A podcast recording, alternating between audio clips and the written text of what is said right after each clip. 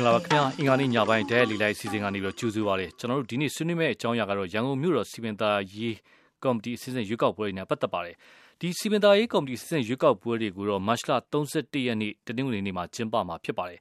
ဒီရွေးကောက်ပွဲနဲ့ပတ်သက်လို့အများပြည်သူသိထားတဲ့အချက်တွေနောက်စီပင်ရွေးကောက်ပွဲဟာဘလောက်အရေးပါလဲဘလောက်ထိလုတ်ပိုင်ခွင့်ရှိတဲ့နေရာဖြစ်လဲဆိုတာကိုကျွန်တော်ဒီနေ့ညဒဲလီလိုက်စီစဉ်မှာဆွေးနွေးသွားဖို့ဖြစ်ပါတယ်အဓိကပါဝင်ဆွေးနွေးပေးဖို့ပုဂ္ဂိုလ်နှစ်ဦးဖိတ်ခေါ်ထားပါတယ်အာပထမတူကတော့မတ်တင်စာရှင်းလိုက်ပြီပါသူကတော့ဒီဒီမိုကရေစီနဲ့ဖွံ့ဖြိုးရေးလှုပ်ရှားမှုကော်မတီရပါ နောက်တူကတော့ New Myanmar Foundation ကမတ်မြနန္ဒာတင်းဖြစ်ပါတယ်ဒါ့အပြင်ကျွန်တော်တို့ဒီလက်တွေ့စီယုံရေးအခြေအနေလက်တွေ့မြေပြင်အခြေအနေနဲ့ပတ်သက်ပြီးတော့သိနိုင်ဖို့လေကိုယ်စားလှယ်တဦးကိုယ်စားလှယ်လောင်းတဦးကိုကျွန်တော်ဖိတ်ခေါ်ထားပါတယ်ဦးဝင်းချိုဖြစ်ပါတယ်ခင်ဗျသုံးစလုံးလေလိုင်းပေါ်ကိုရောက်နေပါပြီကျွန်တော်အရင်ဆုံးမတ်တင်စာရှင်းလိုက်ယူဖိတ်ခေါ်ချင်ပါတယ်မတ်တင်စာကြီးကြားရလားမသိဘူးခင်ဗျဟုတ်ကဲ့ကြားပါရှင်ဟုတ်ကဲ့မတ်တင်စာကျွန်တော်အရင်ဆုံးပေါ့နော်အာဒီရွေးကောက်ပွဲနဲ့ပတ်သက်ပြီးတော့မတ်တင်စာတို့ကလည်းဒီလုံနေတဲ့အခြေအနေကြတော့အများပြည်သူ မသိနေတဲ့အချိန်ဘာလို့ဆိုတော့ကျွန်တော်တို့သိရတော့စိတ်ဝင်စားမှုတွေလည်းနေတော့အများပြည်သူသိတဲ့အချက်တွေပေါ့နော်သတိထားတဲ့အချက်တွေဘာတွေများရှိမလဲအဲ့ဒါဆိုရင်မတင်စားရှင်းလို့ဘာတွေပြောနိုင်မလဲခင်ဗျအခုလာမယ့်ရွေးကောက်ပွဲနဲ့ပတ်သက်လို့အာကျွန်တော်တို့ဒီလာမယ့်ရွေးကောက်ပွဲကဒုတိယအကြိမ်နောက်ရန်ကုန်မှာကျင်းပရတာ အဲပြောချင်တယ်နောက်တစ်ခုကကြတော့အဲကျမတို့ဒါ33မျိုးနေကိုပဲအဓိကပေါ့နော်စင်တရားရေးနေလေ33မျိုးနေတာပဲအဓိကရွေးကောက်ခွင့်ရှိနေတာဖြစ်ပါတယ်ဆိုတော့ဒါက33မျိုးမှာနေတဲ့ပြည်သူတွေရဲ့အခွင့်အလမ်းအခွင့်အရေးတစ်ခုဖြစ်တယ်နောက်တစ်ခုကကျမတို့16နှစ်ပြည့်သူတိုင်းနေပေးခွင့်ရလာပြီအများဆိုရင်ကျမတို့ဒီ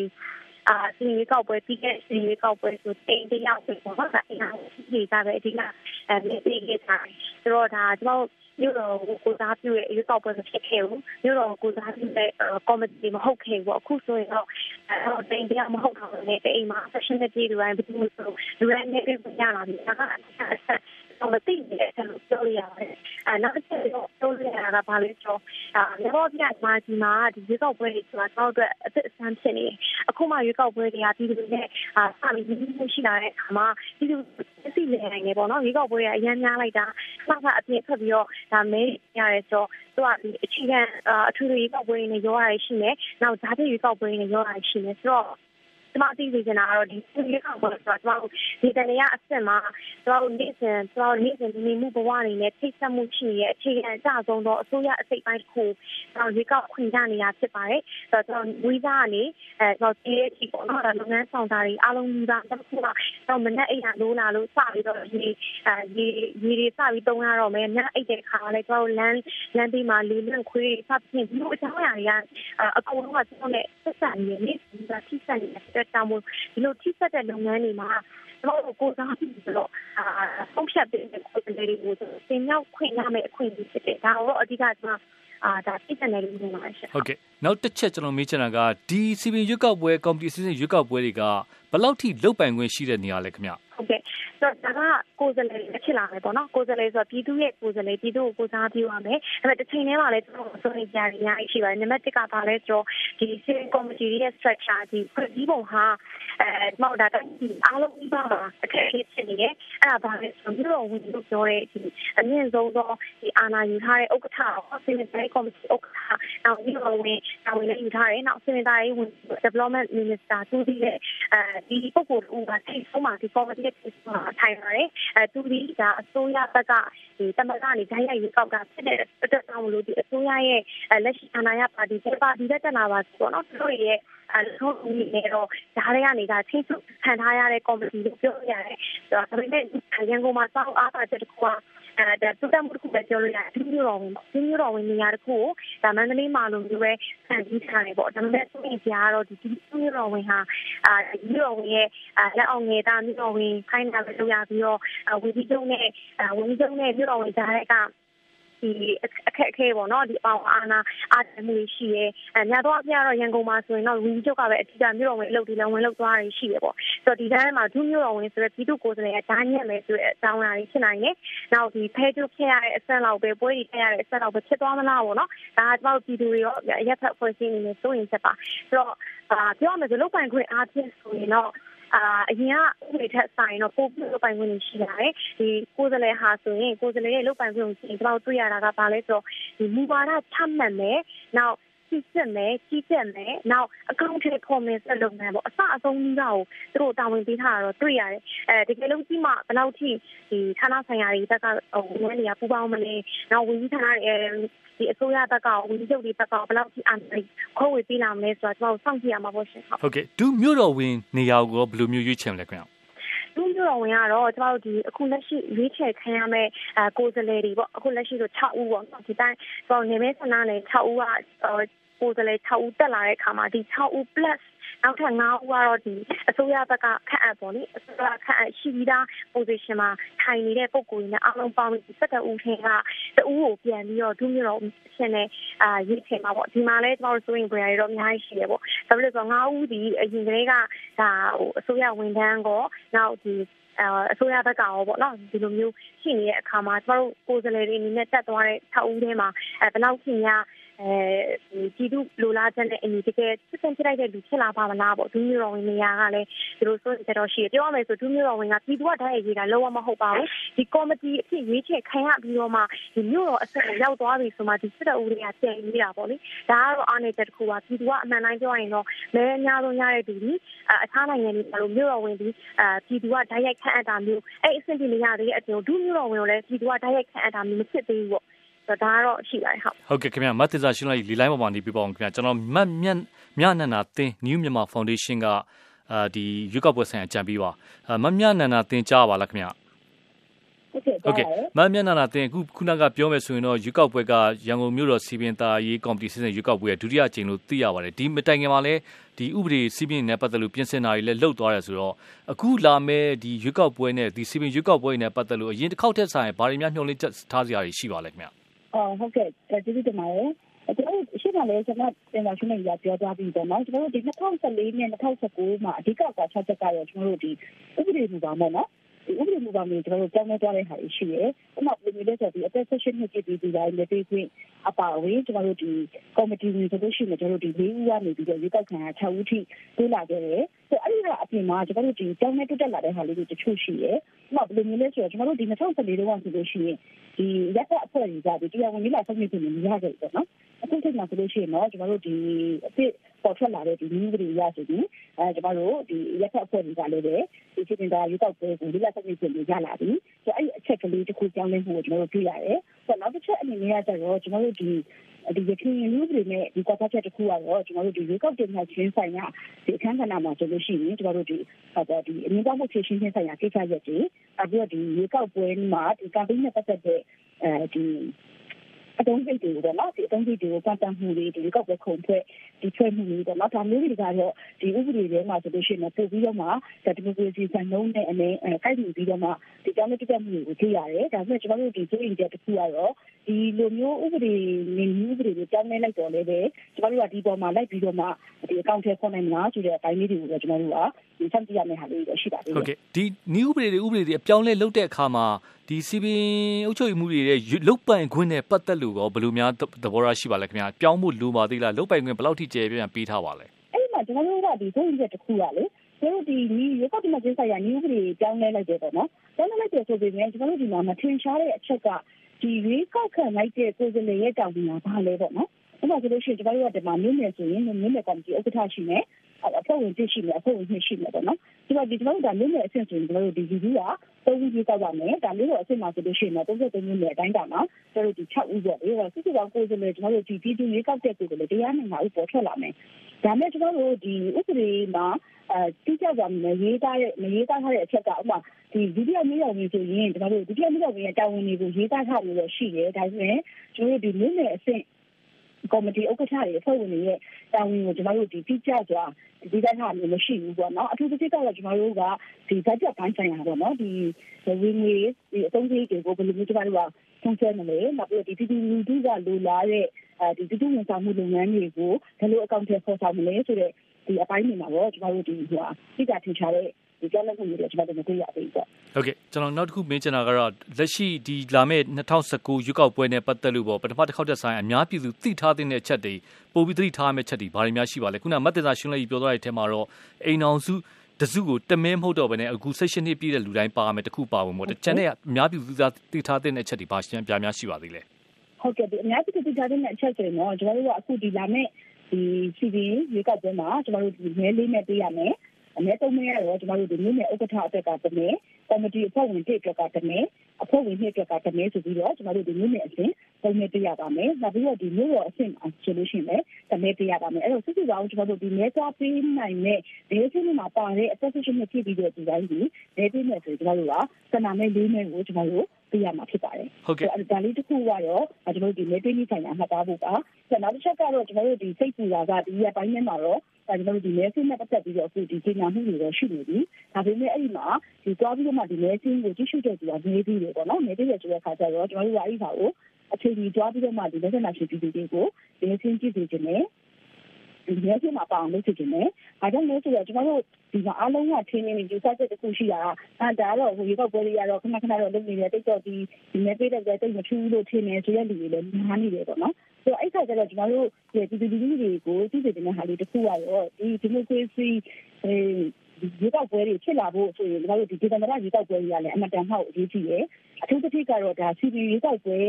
ဆိုရဲဟာမျိုးကကျွန်တော်တို့ပို့ပြီးတော့မှဒါဒေသနာခေါင်းဆောင်ကိုမျိုးနယ်ရဲ့ခေါင်းဆောင်ကိုရဲ့ဒီကိုမျိုးနယ်ရဲ့ဒီ community တက်မှုနဲ့ဒီအုပ်ချုပ်ရေးပိုင်းမှာဒီပါဝင်လာမဲ့ဒီဆိုတော့သူတို့ကိုကျွန်တော်တို့ကဒီမဖြစ်မနေကျွန်တော်တို့ရွေးချယ်ရမယ်ပေါ့နော်ဆိုအဲ့လိုမျိုးရွေးချယ်ရမယ်ဆိုတဲ့အခါကျတော့ကျွန်တော်တို့ကဒီຢာကြီးက ခုဒီလာမယ့်မတ်လ31ရက်နေ့မှာကျင်းပမယ့်စီဒီရွေးကောက်ပွဲဒီရန်ကုန်မြို့တစ်မြို့ရဲ့အတွက်မဟုတ်ဘူးရန်ကုန်တိုင်းတိုင်းတစ်ခုရဲ့အတွက်မဟုတ်ဘူးတခြားသောကျွန်တော်တို့ဒီဒီနေ့တိုင်းရဲ့အတွက်လည်းရည်ကြည့်တယ်ဗါလို့လဲဆိုတော့ကျွန်တော်တို့အခုဒီတနက်နေ့မှာကျင်းပမယ့်စီဒီရွေးကောက်ပွဲမှာဆိုရင်ကျွန်တော်တို့ဒီ section 1ပြည်ကလည်းပေးခွင့်ကြာဒါရန်ကုန်မှာလည်းရှိသေးတယ်ပေါ့နော်တခြားပြည်နယ်တိုင်းတွေမှာဆိုလို့ရှိရင်အဲကျွန်တော်တို့ဒီတအိမ်အောင်တမဲပေးရတယ်တချို့ဆိုလို့ရှိရင်ဒီရက်ကွက်မှာကိုယ်ကလည်း၄၅ဦးခေါ်ပြီးတော့မှ ဒီမဲပေးရဆိုတဲ့အဆင့်ဆိုတဲ့အခါကျတော့ဒီကနေ့ရွေးကောက်ပွဲအဆင့်မပေါ်သေးဘူးပေါ့နော်အဲ့ဒါရန်ကုန်မှာစလိုက်ပြီးဖြစ်တဲ့အတွက်ကျွန်တော်တို့ကလည်းဘယ်လိုပဲဖြစ်ဖြစ်အဲဒါကိုဒီမဲသွားပြီးပြီးတော့မှကျွန်တော်တို့ဒီမဲပေးတဲ့ဒီရခိုင်လုံးတွေကျွန်တော်တို့များနာအောင်လုပ်ရမယ်ဒီမိုကရေစီရေကောက်ပွဲမှာကျွန်တော်တို့ဒီဒီကနေ့ရေကောက်ပွဲတွေကလည်းအရေးကြီးတယ်ကျွန်တော်တို့အတွက်ဒါမဖြစ်မနေလည်းပြရမယ်ဆိုတဲ့ဟာလေးလည်းဒါပြည်သူလူထုကိုသိစေချင်ပါတယ်ဟုတ်ကဲ့ပါခင်ဗျမမျက်နာမျက်နာသင်ရောမတင်စာရှင်းလိုက်ရောလီလိုက်မှာခဏနေပြီးပါအောင်ခင်ဗျ ကျွန်တော်တော်ရှင်တူကဒီဆွေးနွေးပွဲကျွန်တော်ကြော်ညာမှာ Facebook ကတစ်ဆင့်ပေးပို့ထားတဲ့စာလေးကျွန်တော်ဖတ်ပြခြင်းပါတယ်မမိုးမိုးပါသူကတော့ဒီရွေးကောက်ပွဲနဲ့ပတ်သက်လို့ဘယ်သူမှစိတ်မဝင်စားကြပါဘူးတဲ့ပြည်သူလူထုမှလည်းအားမရှိတော့ပါဘူးတဲ့ရွေးကောက်ပွဲအခါတရားလှုပ်လဲထူးမခြားနာပါပဲတဲ့အဲ့တော့ကျွန်တော်ဒါနဲ့ပတ်သက်လို့ကိုယ်စလေလောင်းဖြစ်တဲ့ဦးဝင်းချိုဖိတ်ခေါ်ခြင်းပါတယ်ခင်ဗျလူထုရဲ့ရန်ကုန်လူထုရဲ့စိတ်ဝင်စားမှုဘယ်လောက်များရှိပါလဲတော်တော်နဲတယ်ပေါ့ဗျတော်တော်နဲတယ်ဆိုတာပြီးခဲ့တဲ့2015ရွေးကောက်ပွဲတုန်းက 15ရာခိုင်နှုန်းပတ်ဝန်းကျင်လောက်မဲပေးတယ်လို့ဆိုပါတယ်အခုဒီကာလမှာတိတက်ဆောင်နေသွားမလားမသိဘူးဗျတော်တော်ကိုစိတ်ဝင်စားမှုနေတယ်လို့ပြောလို့ရပါတယ်ဟုတ်ကဲ့အခုရွေးကောက်ပွဲဒီစီယိုရေးလုပ်ငန်းတွေလည်းစနေပြီဝင်းချိုတွေလည်းလုပ်နေပြီဆိုတော့စီယိုရေးလုပ်ငန်းတွေနဲ့ပတ်သက်လို့ရောဘယ်လောက်ထိပြင်ဆင်ပြီးလုပ်နိုင်ကြလဲကိုယ်စားလှယ်တွေအနေနဲ့ပါတီနဲ့ရှင်ရင်တော့တပိပုဂ္ဂလတွေအတွက်အခက်အခဲရှိမှာပဲလေနိုင်ငံရေးပါတီဆိုတာကတော့စနစ်တကျ အဲဖွဲ့စည်းထားတာဖြစ်တဲ့အတွက်သူကတိုင်းအဆင့်စီးမြို့နယ်စီးပြီးတော့ရက်ွက်စီးအဆင့်နဲ့နဲ့စီယုံရေးဆင်းနိုင်တဲ့အခါကျွန်တော်တို့လိုကျွန်တော်နယ်မြေမျိုးပေါ့ဆက်နှစ်မြို့နယ်ကိုစီယုံရေးဆင်းရမယ့်ကိစ္စအကြတော့တတိပုဂ္ဂလအတွက်အခက်အခဲရှိပါတယ်တတိတသက်လာစီယုံရေးဆင်းမယ်ဆိုရင်ဒီကိစ္စကတော်တော်ခက်ခဲမှာပါဟုတ်ကဲ့အဲ့တော့ဦးဝင်းချိုတူတဲ့အနေရဆိုလို့ရှိရင်ရမုံငွေဖြစ်ဖြစ်ဘာဖြစ်ဖြစ်ဘလို့သွားပြီးတော့ဟိုလုံလုံနေရလဲအခြေအနေက လက်ရှိအချိန်ကြီးကတော့ကျွန်တော်ကကိုပိုင်ငွေပဲဆိုတော့ကျွန်တော်မိသားစုရဲ့ထောက်ပံ့ငွေကလွဲပြီးတော့ကျွန်တော်ဘယ်ကမှရမုံငွေမရှိပါဘူးအဲ့တော့အဲ့အတွက်စီးမြင်းနေပါလှုပ်ထားတာရောရှိပါလားခင်ဗျမြမတတဖြစ်အောင်ကုစလရီကြားထဲမှာဟုတ်ကဲ့သိန်းနေရတဲ့ပို့ပြီးမသုံးရဘူးဆိုတော့အဲတတ်မှတ်ချက်ရှိထားတယ်ပေါ့သို့တော်လည်းပဲကျွန်တော်ကသိန်းနေရအဲသိန်းနေရမဟုတ်ဘူးသိန်းတရာလည်းကုန်မှာမဟုတ်တဲ့အတွက်ဒီသတ်မှတ်ချက်ကကျွန်တော်တို့တော့သိပြီး ရေးကြီးမဟုတ်ပါဘူးဟုတ်ကဲ့အခုစီယုံရေးလုပ်ငန်းတွေနဲ့ပတ်သက်လို့ပြောမယ်ဆိုရင်ဝင်းချိုပါခက်ခဲတွေစင်ခေါ်ချက်တွေရှိရဆိုရင်ဘာတွေများရှိပဲခင်ဗျအဓိကအဖြစ်အဲ့ဒါတော့ကျွန်တော်သိသတိမထားမိဘူးဘာကြောင့်လဲဆိုတော့အမှန်တကယ်ကျွန်တော်ဘာကြောင့်ဝင်ပြိုင်လဲဆိုရင်2010ကနေ2018အထိရှင်းနှစ်လုံးလုံးဒီပြည်သူအတွက်အကျိုးပြုအကျိုးရှိနေနိုင်တဲ့လုပ်ငန်းရပ်တွေမှာကြီးပဲကျွန်တော်အချိန်ကုန်ခံခဲ့တာဒီမျိုးပြောရင်ဒီရှင်းနှစ်ဒါကာလပတ်လုံး ကျွန်တော်ဘဝကိုအများအတွက်ပဲညှို့နှံနေတာဖြစ်တဲ့အတွက် CBN အတွက်တတိတသန့်ဆိုပြီးကျွန်တော်ထူးထူးခြားခြားစီးရုံးနေတာဘာမှတော့မရှိဘူးလို့ပဲပြောရမှာမသိဘူးဟုတ်ကဲ့အခုနောက်ရွေးကောက်ပွဲနဲ့ပတ်သက်လို့ပါလူစိတ်ဝင်စားမှုအားနေတဲ့ခါကျတော့ခုနကရွေးကောက်ပွဲမှာတကယ်တမ်းစီးမင်းနေပြောင်းလိုက်တဲ့ကိစ္စတွေဥပမာဆိုရင်ရင်းကတိန်အောင်တယောက်ပဲပြရမယ်အခု16နှစ်ပြည့်တဲ့လူတိုင်းပြရမယ်ဒီလိုအချက်တွေအစရန်ကုန်နေကန်တွေတေချာသိကြရလားခင်ဗျအဲ့ဒါက2ဘီလီယံကျော်အကုန်ကြခံထားတဲ့ရွေးကောက်ပွဲကော်မရှင်ကဦးစီးပြီး ဆောင်ရွက်ပေးရမှာပါသို့တော်လည်းအဲ့ဒီဟာကိုဆောင်ရွက်တယ်မဆောင်ရွက်ဘူးဆိုတဲ့အချက်ရဲ့အဲပြည်သူတွေတကယ်သိလားမသိလားဆိုတဲ့အချက်ရဲ့ဆိုတာမှာတော့နည်းနည်းတန်လျာရှိနေရဖြစ်ပါတယ်ဆိုလိုတာကတော့အခုချိန်ထိမဲသင်းတွေမှာမှန်သေးဘူးဆိုတာကိုကျွန်တော်ရဲ့လက်ရှိဝေါ်ပေါ်မှာလည်းကျွန်တော်တင်ထားတယ်နောက်တစ်ခါကျွန်တော်တို့နယ်မြေ၃မှာအစိုးဆုံးအချက်ကနယ်မြေ၃မှာပြိုင်မဲ့ကော်မတီဝင်က10ဦးရှိတယ်10ဦးဖြစ်ရှိတဲ့အတွက်မဲသင်းစာရွက်အဲကော်မရှင်ရုံးတွေမှာကတ်ထားတဲ့မဲသင်းစာရွက်ကနှစ်ရွက်ဖြစ်နေတယ် တခြားမြို့နယ်တွေတခြားသုံးနယ်မြေတွေမှာက9ရောက်အထက်ကိုခုမှမရှိတဲ့အတွက်သူတို့ကစာရွက်တစ်ရွက်တည်းနဲ့ပြီးတယ်ကျွန်တော်တို့ကနှစ်ရွက်နှစ်ရွက်မှာမှတခါကျွန်တော်တို့အဲကျွန်တော်နံပါတ်က6ဖြစ်တဲ့အခါကျတော့8930ကတရွက်12356ခေါင်ကတရွက်အဲတချို့မြို့နယ်တိတိကျကျပြောရရင်ဝေလူဝင်တောင်ပိုင်းရက်ွက်ကမဲဆန္ဒဟိုကော်မရှင်ရုံးရှိမှာဆိုလို့ရှိရင်12356ခေါင်မဲပါပြီးတော့8930စာရွက်မရှိဘူး အကူကတ်ထားတယ်ကော်ကွာသွားတယ်ဆိုတဲ့အခါကျတော့အဲဒီ8930မရှိတော့ဘဲနဲ့9ယောက်တည်းပြိုင်တာလို့မြို့နယ်ရပြည်သူတွေရက်ွက်ထဲရပြည်သူတွေအမှတ်မှားနိုင်ပါတယ်ဒီအကြောင်းအရာတွေကိုဆယ်တန်းစာမွေးဝဲဖြေဆိုတဲ့အချိန်ကြတော့မှပဲကျွန်တော်တို့လိုက်လံစစ်ဆေးပြီးအသိပေးအကြောင်းကြားမှာဖြစ်ပါတယ်ဟုတ်ကဲ့အခုဒီစင်းပြုစုတဲ့အဓိကဒီမဲစင်းမဲဆန္ဒပေးနိုင်တဲ့လူစင်းပြုစုတာကရွေးကောက်ပွဲကော်မရှင်ကပဲလားတခြားအကူအညီပေးတဲ့အဖွဲ့အစည်းရောရှိပါလားခင်ဗျာ အဲ့ဒါကတော့ဟိုမမျက်နှာနာသင်တို့မတင်တာရှုံးလိုက်ယူတော့ပိုသိပါလိမ့်မယ်ခင်ဗျဟုတ်ကဲ့ကျွန်တော်တို့ဟိုဒီအကြောင်းအရာတွေကိုသိမသိပါဘူးဟုတ်ကဲ့ကျွန်တော်အဲ့ဒါဆက်သေးမမျက်နှာနာသင်ကိုမေးချင်ပါတယ်ခုနကမဲစင်းကိစ္စပါမဲစင်းပြုစုတဲ့အခြေအနေကတေးချာချာရောလုံနိုင်ရလားဘယ်လိုမြင်ပါလဲဟုတ်ကဲ့အဲ့ဒါတော့ကျွန်တော်တို့ဟိုပါပေါ့နော်ဒီတိကျလုံလောက်တဲ့ကျွန်တော်တို့ဒီလေးလာမှုတွေတော့မလုပ်ရသေးဘူးပေါ့လေအဲကျွန်တော်တယောက်တည်းရဲ့အဖွဲ့အစည်းနဲ့မဟုတ်ဘဲနဲ့ကျွန်တော်တယောက်တည်းရဲ့တွေ့ရှိချက်အရာပေါ့နော်ကျွန်တော်တို့ဒီတစ်ပတ် အဲဒီလူငယ်ရဲ့စနေတမင်းတွေနေ့ရက်မှာအဲကျွန်တော်တို့ဒီလက်သမားရှိပညာပေးလုပ်ငန်းလေးတွေကိုမြို့နယ်တချို့မှာလုပ်ကြပေါ့နော်။ဥပမာအဖြစ်ဆိုကျွန်တော်တို့ဒီညတကုံမှာအဲကျွန်တော်တို့ဒီပညာပေးစနစ်ပေါ်ကြောင်းလုပ်တဲ့အချိန်မှာဒီကိုယ်ကလေးလောင်းနေလည်းဖိတ်တာပေါ့နော်။အဲ့ဒီမှာဆိုကျွန်တော်တို့ကိုယ်ကလေးလောင်းနှစ်ဦးကတော့သူတို့နာမည်တွေတော့မဲစနစ်မှာမပါဘူးပေါ့နော်။ကိုယ်ကလေးလောင်းတွေကိုနိုင်တယ်လို့လည်းကျွန်တော်တော့အဲ့ဒီအချိန်မျိုးတွေတော့ကျွန်တော်တို့တွေ့ရတယ်။နောက်ပြီးတော့ကျွန်တော်တို့ရဲ့ ဒီ observer တချို့ရဲ့ပြည့်စုံတဲ့သတင်းတွေရလေတချို့ပြည်နယ်တွေမှာဆိုလို့ရှိရင်တော့ဒီမဲဆင်းချန်တဲ့အဖြစ်အပျက်လေးတွေနောက်ပြီးတော့ဒီမဲဆင်းမှာခတ်နေတာမျိုးပေါ့နော်အဲအဲ့ဒါမျိုးဒီ computer ရိုက်တဲ့ error လားအဲ့ဒါမျိုးတွေတော့တွေ့နေရတယ်ဒါတော့ကျွန်မအခုဒီရက်ပိုင်းလေးကျွန်မတို့ထိုးရတွေ့ရှိချက်ကိုပဲကျွန်မဒီချို့ဒီဖြစ်ပါတယ်ဒီအဖွဲ့အနေနဲ့ကတော့တိကျဒီအစီအစဉ်ကတော့အဲဒီရေကောက်ပြီးတဲ့ခါကျရင်မှထပ်မှာပါတစ်ဆက်တည်းကျွန်တော်ခုနကမတ်မြဒီနန္နာသင်းပြောသွားတဲ့ထဲမှာပဲ CSO ရပ်ဖက်အဖွဲ့အစည်းတွေရဲ့စောင့်ကြည့်ခွင့်ကိုခွင့်ပေးတယ်ဆိုတာက အခုခွင့်ပေးတယ်ဘလို့ပုံစံမျိုးနဲ့စောင့်ကြည့်နိုင်မလဲစောင့်ကြည့်ဖို့အခြေအနေကဘလို့များရှိပါလဲခုဟုတ်ကဲ့အဲ့ဒီတိုင်းမှာတော့ကျွန်တော်တို့ဒီအခုဒီရေကောက်ပဲဒီမျိုးကော်မရှင်ပေါ့နော်မျိုးကော်မရှင်ကနေပြီးတော့မှဒီကနေ့လာမဲ့ဒီရက်ဖက်အဖွဲ့အစည်းတွေကိုကျွန်တော်တို့ဒီလိုလာခွင့်ဒီဟိုလေးထပ်ပြီးတယ်ပေါ့နော်အဲ့ဒီဟာလေးကျွန်တော်တို့ကအဲ့ဒီလက်တော်ကြီးဆိုရကလေးရထားပြီးအဲနောက်ရက်ဒီကလို့ရှိရင်တော့ဒီကပ်ပြားတွေထပ်ပြီးတော့ထုတ်ပြီးတယ်ပေါ့နော်အဲ့ဒီခါကျတော့ဥမာကျွန်တော်တို့က ဒီ33မြို့နယ်မှာဒီဒီကနေ့ဥချထားမယ်ဆိုတာကိုကျွန်တော်တို့ဒီနှစ်ပတ်အတော်ပြင်းမှာဒီစီးရင်ပြဖို့ရှိပါတယ်အဲစီးရင်ပြတဲ့အခါမှာတော့ဒီကျွန်တော်တို့ရဲ့ဒီကောက်ပွဲလေးလာပြီးမှဒီအထူးသဖြင့်ကတော့ဘာသာပုံစံတည်ရနေပေါ့လေအဲ33ရက်နေ့မှာကျွန်တော်တို့ဒီအဲနေ့နေ့မှာကျွန်တော်တို့ဒီကောက်ပွဲလေးလာတော့ရှိပါတယ်ဟုတ်ကဲ့အဲ့အတွက်ကတကယ်တမ်း CSU ဘယ်နှစ်ဖွဲ့လောက်လုံနိုင်မယ်လို့ခံမှန်းထားကြလဲခင်ဗျစောင့်ကြည့်ရေးကို ဒီလောဆယ်ဒီလောက်ဆိုရင်တော့၃နှစ်ဖွဲ့လောက်ပေါ့နော်ဒီ၃နှစ်ဖွဲ့လောက်ကတော့အဲဒီရွက်ပွဲလေးကဆန်းကြည့်ဖို့အတွက်ဆိုပြီးတော့ဒီစင်းတင်နေတာရှိပါတယ်ဟုတ်ကဲ့တခြားရွက်ပွဲကာလအတွင်းမှာဒီမဲဆွယ်စီယုံနေနဲ့မှုနဲ့ပတ်သက်လို့ကန့်တက်တာမျိုးတွေတစုံတရာဟိုပြတ်ဟိုဖြစ်တာမျိုးတွေရောရှိပါလားခင်ဗျအဲ့လို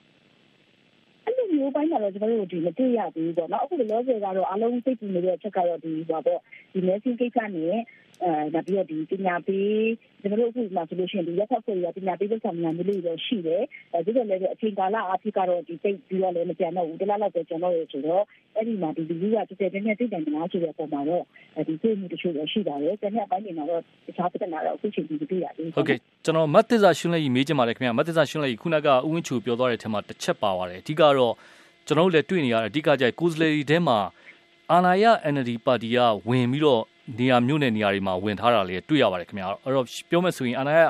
NLD ပါတီနဲ့တတိပုဂ္ဂလတွေနဲ့ပြန်ရတဲ့အနေအထားမျိုးတွေလည်းကြုံနေရပါတယ်အဲ့တော့ရွေးကောက်ပွဲနဲ့ပတ်သက်လို့လွတ်လပ်မှုမျှတမှုကိုဘယ်လိုများဟိုတုံးသက်လို့ရမလဲကော်မရှင်ရဲ့အနေအထားပဲဖြစ်ဖြစ်အခင်းကျင်းမဲ့အနေအထားပဲဖြစ်ဖြစ်ပါ အာဟုတ်ကဲ့ပါဒါကကျမတို့လက်ရှိမှာတကယ်ကိုစိုးရင်ရတယ်ပေါ့ဘာဖြစ်လို့လဲဆိုတော့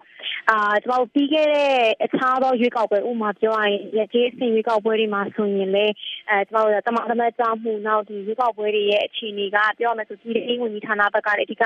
အဲသွားခဲ့တာပေါ့နော်အဲ့မှာလည်းကျမတို့အာအဓိကထောက်ပြခဲ့တာကအခုအဲဒီဘက်ဒီ NLD ပါတီကအာဏာရလာတဲ့အခါမှာအဲဒီပါတီရဲ့အာဏာကိုအသုံးပြုပြီးတော့ဒီ commission အပေါ်မှာ အဲဒီလွှမ်းမိုးချင်တာမျိုးထုတ်ကင်ချင်တာမျိုးဒီလိုပုံစံတွေဖြစ်လာမှာကျွန်တော်တကယ်ကိုစိုးရင်ခဲ့တယ်အာလက်ရှိတွေ့နေရတဲ့ဒီအချက်လက်တွေနောက်ဒီအရေးရောင်တွေပေါ့နော်ဒါတွေကိုမြင်ရလဲကျွန်တော်တော်တော်လေးစိုးရင်ဖွယ်ရဖြစ်ရပါတယ်ဥပမာပြောရရင်ကျွန်တော် commission ရဲ့ အာဒီဆုံးဖြတ်ချက်တစ်ခုပေါ့နော်ဆုံးဖြတ်ချက်တစ်ခုဒီပါတီအလံတွေမတုံးရအောင်ဆိုရဲကိစ္စရပ်တွေမှာတိတ်နှစ်ရက်တာအတော်အတွင်းမှာပဲသူတို့ရဲ့ဆုံးဖြတ်ချက်ကိုပြင်နေပေါ့ပြင်ပြီးတော့ပြန်ထုတ်ပြန်တယ်အာပါတီအလံတွေပုံရိပ်တွေသုံးလို့ရတယ်ဆိုတာမျိုးဖြစ်သွားတယ်ပေါ့ဆိုတော့ဒီလိုအခြေအနေမှာအဲဒီဒီဒီဒီဥပဒေကြီးကိုယ်တိုင်ကိုကဒီလက်ရှိအာဏာရပါတီဒီဝန်ကြီးချုပ်ကိုယ်တိုင်ဦးစီးရေးရဆိုတာမျိုးကဒါအားလုံးသိထားပြီးသားဖြစ်ပါတယ်ဆိုတော့ကျွန်တော်ဆိုရင်ကတော့ဒီအာဏာရပါတီဟာသူနိုင်လောက်တဲ့အခြေအနေတစ်ခုကိုအဓိက အဲရေးဆွဲပြီးတော့မှအားလုံးကိုဝင်ပြိုင်စေတာဆိုတာမျိုးဖြစ်လာမှာပေါ့ဒါကိုအဓိကဆိုရင်တာပေါ့နော်ဟုတ်ကဲ့ကျွန်တော်အခုတွေ့နေရတဲ့အခြေအနေကတော့ပါနေရတွေ့ရတယ်အာနောက်တစ်ခုကဒီပါတီတွေဝင်ရောက်ရှင်ပြိုင်တဲ့အခါတခြားနိုင်ငံတွေမှာလည်းပါတီတွေအနေနဲ့ဝင်ရောက်ရှင်ပြိုင်တာရှိပါတယ်ဒါပေမဲ့ကျွန်တော်မြန်မာနိုင်ငံမှာတော့ဒီဒါလွတ်တော်ရွေးကောက်ပွဲမဟုတ်နေတဲ့အခါမှာဒီလက်ရှိ ပြည်သူတွေရဲ့ service ကိုအထက်သွားရတဲ့တတိပုဂ္ဂလတွေပုံများတဲ့ရွေးကောက်ပွဲမှာပါတီဝင်ပြိုင်နေဆိုရင်ဒီဘန်နာရေးအဖြစ်ကောပုံရေးအဖြစ်ကောဒါတတိပုဂ္ဂလတွေအတွက်ကျွန်တော်တို့တွေ့ရတာကတော့တကယ်ဟိုအင်အားမတူဘူးပေါ့နော်သူတို့တွေအတွက်နဲ့နာစီလို့ကျွန်တော်တို့တွေ့ရပါတယ်ဟုတ်ဟုတ်ကဲ့ခင်ဗျာကျွန်တော်တို့ဒဲဒီလိုက်စီစဉ်ချင်းစစ်သွားလို့ပါအဓိကပေါင်းဆွေးနွေးပေးကြတဲ့မတ်တင်စာရှင်းလက်ကြီးမတ်မြနန္ဒာတင်းနဲ့ဥဝင်းချိုးတို့ကိုကျေးဇူးအများကြီးတင်ပါတယ်ခင်ဗျာသရရှင်တွေအားလုံးလည်းကျေးဇူးပါကျွန်တော်ဒဲဒီလိုက်စီစဉ်ကိုတော့အချိန်ကြောင်းဒီမှာပဲရန်နာခွင့်ပြုပါခင်ဗျာ